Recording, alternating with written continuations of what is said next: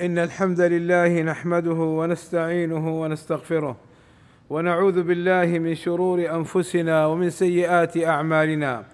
من يهده الله فلا مضل له ومن يضلل فلا هادي له. وأشهد أن لا إله إلا الله وحده لا شريك له. وأشهد أن محمدا عبده ورسوله. يا أيها الذين آمنوا اتقوا الله حق تقاته ولا تموتن إلا وأنتم مسلمون. يا أيها الذين آمنوا اتقوا الله وقولوا قولا سديدا. يصلح لكم أعمالكم ويغفر لكم ذنوبكم. ومن يطع الله ورسوله فقد فاز فوزا عظيما.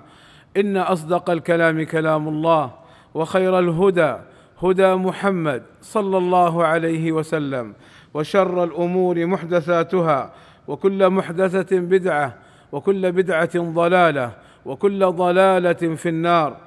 أما بعد فإن من الأصول التي يقوم عليها دين التوحيد الولاء في الله والبراءة في الله وذلك بموالاة الله تعالى وأنبيائه ورسله وأوليائه من الموحدين والبراءة من الكفر والشرك وأهله وشعائره قال تعالى لا تجد قوما يؤمنون بالله واليوم الآخر يوادون من حاد الله ورسوله.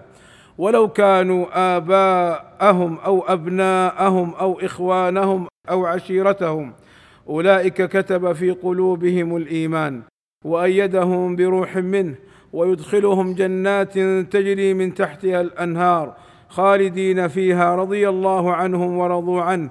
أولئك حزب الله. ألا إن حزب الله هم المفلحون. وقال صلى الله عليه وسلم أوثق عرى الإيمان الموالاة في الله والمعاداة في الله والحب في الله والبغض في الله.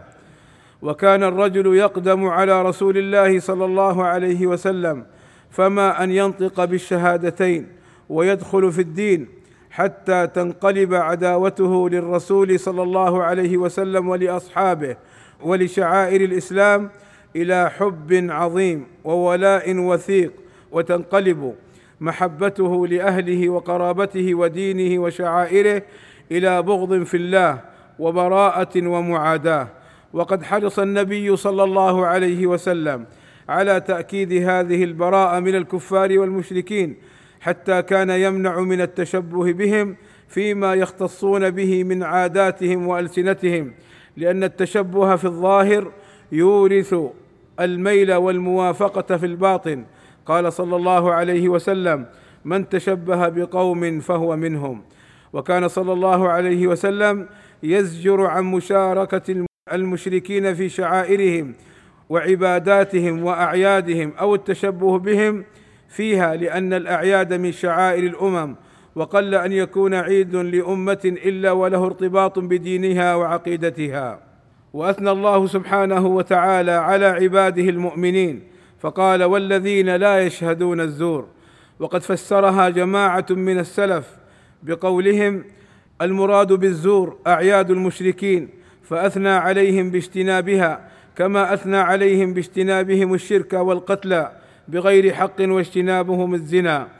قال عمر رضي الله عنه لا تدخلوا على المشركين في كنائسهم يوم عيدهم فإن السخطه تنزل عليهم.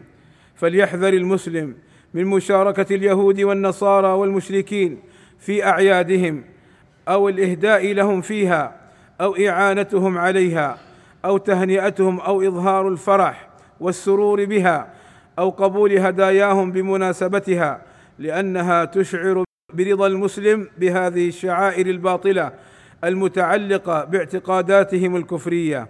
بارك الله لي ولكم في القرآن العظيم ونفعني وإياكم بهدي سيد المرسلين. أقول هذا القول وأستغفر الله لي ولكم من كل ذنب إنه هو الغفور الرحيم. الحمد لله رب العالمين والصلاة والسلام على المبعوث رحمة للعالمين وعلى آله وصحبه أجمعين. عباد الله اعلموا أن تهنئة اليهود والنصارى بأعيادهم محرمة. قال أهل العلم قالت اللجنة الدائمة لا يجوز للمسلم أن يشارك الكفار في أعيادهم ويظهر الفرح والسرور بهذه المناسبة ويعطل الأعمال سواء كانت دينية أو دنيوية لأن هذا من مشابهة أعداء الله المحرمة. ومن التعاون معهم على الباطل. وقد ثبت عن رسول الله صلى الله عليه وسلم أنه قال من تشبه بقوم فهو منهم. والله سبحانه وتعالى يقول وتعاونوا على البر والتقوى ولا تعاونوا على الإثم والعدوان. واتقوا الله إن الله شديد العقاب. وقال الشيخ ابن عثيمين رحمه الله تعالى تهنئة المشركين بالأعياد محرمة بلا شك. فاتقوا الله عباد الله واحذروا أسباب سخطه. وليس على المسلم من ضير إذا أسخط الناس برضا الله. إنما الضرر كل الضرر أن يسخط الله برضا الناس. معاشر المؤمنين صلوا وسلموا على البشير النذير والسراج المنير المبعوث رحمة للعالمين.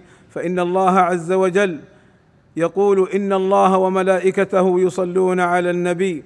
يا أيها الذين آمنوا صلوا عليه وسلموا تسليما. فاللهم صل على محمد وآله وأزواجه كما صليت على إبراهيم وآله وبارك على محمد وآله وأزواجه كما باركت على إبراهيم وآله إنك حميد مجيد.